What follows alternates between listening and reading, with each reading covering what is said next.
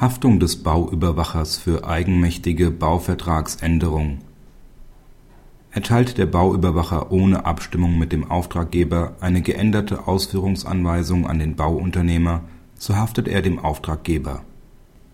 Der Auftraggeber begehrt von dem Bauunternehmer und dem Bauüberwacher den Ersatz von Mängelbeseitigungskosten, die durch Beseitigung einer Dämmung mit einem Durchmesser von drei statt acht Zentimeter entstehen zwischen dem Auftraggeber und dem Bauunternehmer ist eine Wärmedämmung von 8 cm vereinbart worden. Im Rahmen der Baustellenabwicklung weist der Bauüberwacher, der insoweit Anscheinsvollmacht hat, den Bauunternehmer an, eine Dämmung mit 3 cm auszuführen, da dies nicht anders realisierbar sei.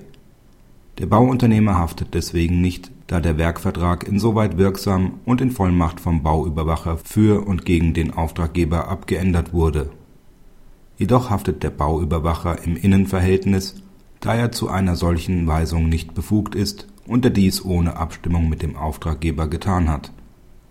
Er haftet demgemäß nach § 635 BGB alte Fassung. Praxishinweis Ohne gesonderte Vereinbarung ist regelmäßig ein Architekt oder auch ein bauüberwachender Architekt nicht berechtigt finanzielle oder rechtsgeschäftliche Erklärungen für und gegen den Auftraggeber abzugeben.